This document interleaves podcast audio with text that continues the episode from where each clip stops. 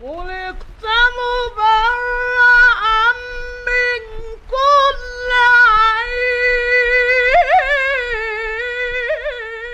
عيب وفجأة اختفى هذا الصوت من الإذاعات ويمكننا القول إنه أخفي عمدا.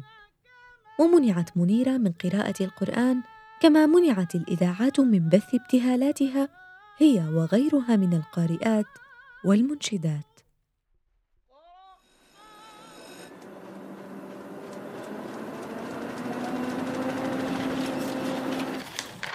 عنب بلدي. بودكاست. كانت في الثامنة عشر من عمرها حين صار اسمها معروفا بين الناس. منيرة الصغيرة التي لا تبصر. كانت تطلب لقراءة القرآن في المآتم كما جرت العادات في أرياف مصر. إذ كان العزاء يقام للرجال والنساء. كل على حدة. ويقرأ شيخ القرآن في المكان المخصص للرجال. وذلك لمدة ثلاثة أيام. أما عند النساء يجب أن تقرأ امرأة. وكانت تلبي منيرة الدعوات للقراءة في كل مأتم تطلب إليه. وهكذا بدأت تعرف وبدأ اسمها ينتشر على مسامع الناس. هي وبعض المقرئات الأخريات اللواتي يتمتعن بصوت جميل مقتدر على قراءة القرآن الكريم. ولذلك كان طبيعيا أن تشاهد القارئات يقرأن أمام الناس وأمام العامة. منيرة عبده هي إحدى أقوى الأصوات النسائية التي قرأت القرآن وأنشدت. وسرعان ما وجدت تلك الفتاة نفسها ترتفع في صفوف المجتمع الإسلامي لتصبح نظيرة للمقرئين المشهورين مثل الشيخ محمد رفعت. كانت فرص المرأة بالتعليم والعمل محدودة. واقتصر تعليم الأطفال في المجتمعات الريفية على الكتب الابتدائية التي يشرف على تدريسها أهالي المنطقة. كان الهدف منها أن يتعلم الأطفال القراءة والكتابة والعلوم الإسلامية بالإضافة إلى تعليم تلاوة القرآن. وكان من الواجب إبقاء الرجال منفصلين عن النساء بالإضافة إلى بعض الأفكار التي سادت بعدم ضرورة تعليم الفتيات إلا القرآن. هذا هو العامل الرئيسي الذي أدى إلى ظهور منيرة.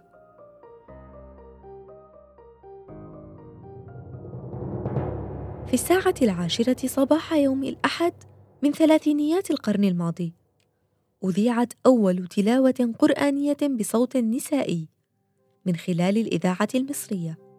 حصل هذا بعد إقدام عدة إذاعات أهلية على هذه الخطوة.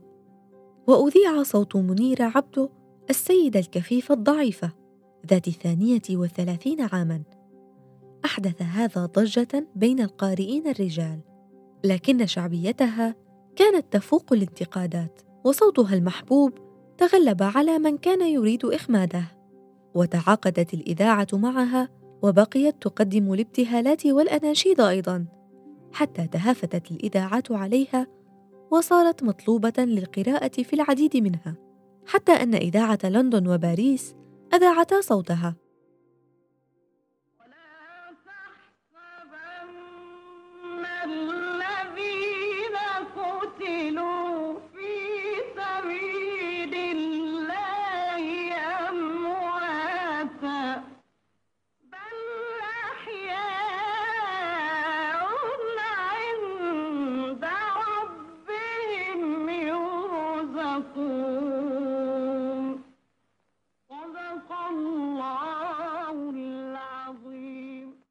بالرغم من شعبيتها الواسعة إلا أنها ما زالت تتقاضى نصف أجر القارئين من الرجال. إلا أن نصف الأجر الذي تتقاضاه منيرة كان يعتبر إنجازا ضخما. في مجتمع كان يعاني من فجوة كبيرة وفرق واسع في الأجور بين الجنسين. أنا مسرور جدا لأنني التقيتك وجها لوجه شكرا لك. إن صوتك لا مثيل له. وقراءتك تبث الطمأنينة في قلوبنا يا شيخ منيرة هذا من حسن ذائقتك. تفضل قل لي ما الذي جئتني من أجله؟ في الحقيقة سأعرض عليك السفر إلى بلدي تونس لإحياء ليالي شهر رمضان المبارك. لكنك تعرف يا سيد أنا لا أسافر خارج مصر. لا أستطيع. سنستضيفك أنا وأهلي في قصري بضيافة كاملة. لن تحتاجي لأحد. وسأعطيك ما تيسر لي من فضل الله. ألف جنيه وأكثر إن أردت. أشكرك على عرضك السخي لكنني أعتذر عن قبوله. سأحيي ليالي رمضان هنا في مصر. بعد رفضها لم يستسلم هذا الرجل. كان رجلا تونسيا ثريا. وحين لم يستطع إقناع منيرة بالذهاب إلى تونس مكث هو في القاهرة طيلة أيام شهر رمضان ليستمع إلى ترتيلها للقرآن. حين تم تأسيس الإذاعة الرسمية في القاهرة كانت منيرة من أوائل من رتلن القرآن حتى أنها كانت ندا لأكبر وأشهر القارئين في مصر. وصوتها نافس أسماء كبيرة في التلاوة وبقيت على تلك الحال تتلو وترتل حتى عام 1939 حين ظهرت فتوى تحرم على النساء القراءة في الإذاعات والأماكن العامة. وتقول الفتوى إن صوت المرأة عورة. حينها انصاعت الإذاعات لتلك الفتوى وفورا تم إيقاف بث صوت منير عبده وكل النساء القارئات عبر الإذاعات المصرية. حتى إذاعة لندن وإذاعة باريس. انصاعتا لتلك الفتوى. وأوقفتا إذاعة القرآن بصوت منيرة كما توقفتا عن إذاعة أسطواناتها المسجلة خوفا من غضب علماء الأزهر الذين أفتوا بتحريم الاستماع لصوت المرأة. هذه الخطوة أثارت غضبا شعبيا وسخطا من الذين يحبون منيرة ويحبون الاستماع لصوتها. طالبوا بعودتها وعودة صوتها للإذاعات. لكن لم تستجب الإذاعة لأحد بل لم تستطع فعل شيء لأنها خافت من غضب الذين أقروا هذه الفتوى وعمموها وحرم الناس من الأصوات النسائية التي كانت تصدح في الإذاعات.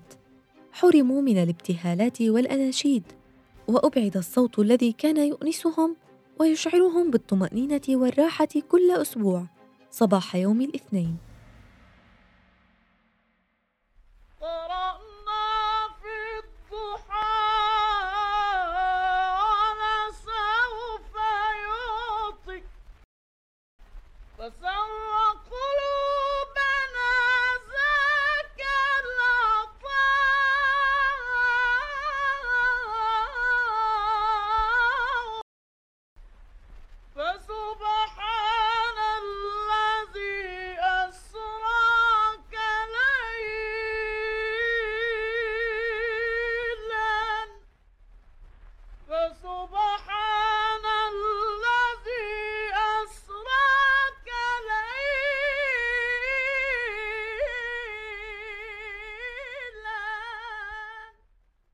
هذا تخلف كيف يطفئون لنا أرواحنا بهذه السهولة ألن تقول شيئا يا شيخ؟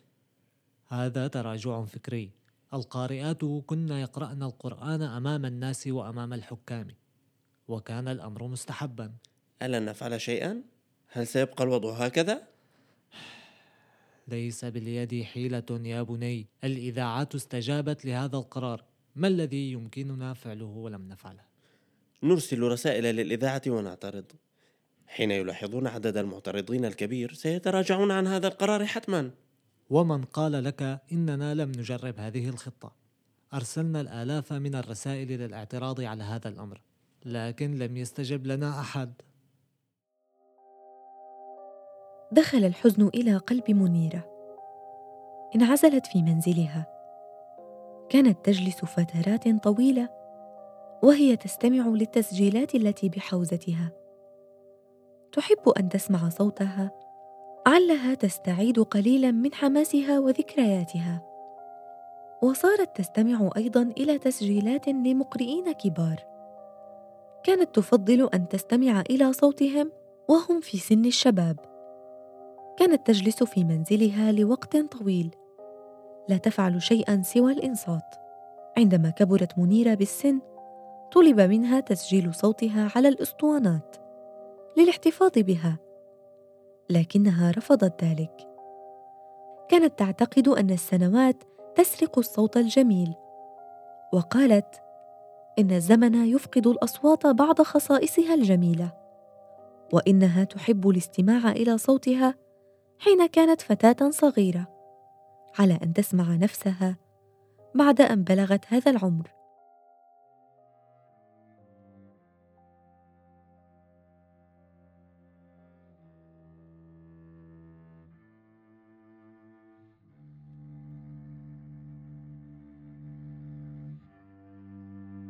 تلاوة النساء اختفت. ولم يعد صوتهن وتلاوتهن للقرآن موجودة عبر الإذاعات. بقيت منيرة منعزلة في بيتها. بقيت كذلك عدة سنوات. ثم توفيت على هذا الحال. نادرة هي الأسطوانات المسجلة باسمها ولم تحدد سنة وفاتها بالضبط.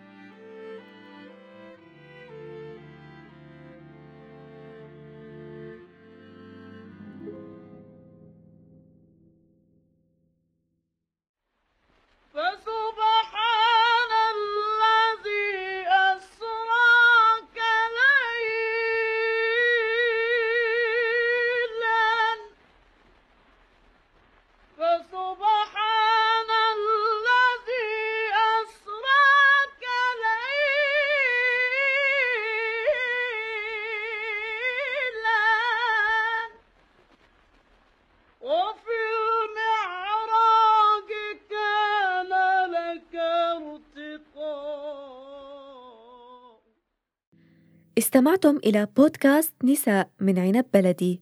أعددت هذه الحلقة وقدمتها. أنا سكينة المهدي. نحن موجودون على Apple Podcast، Google Podcast و SoundCloud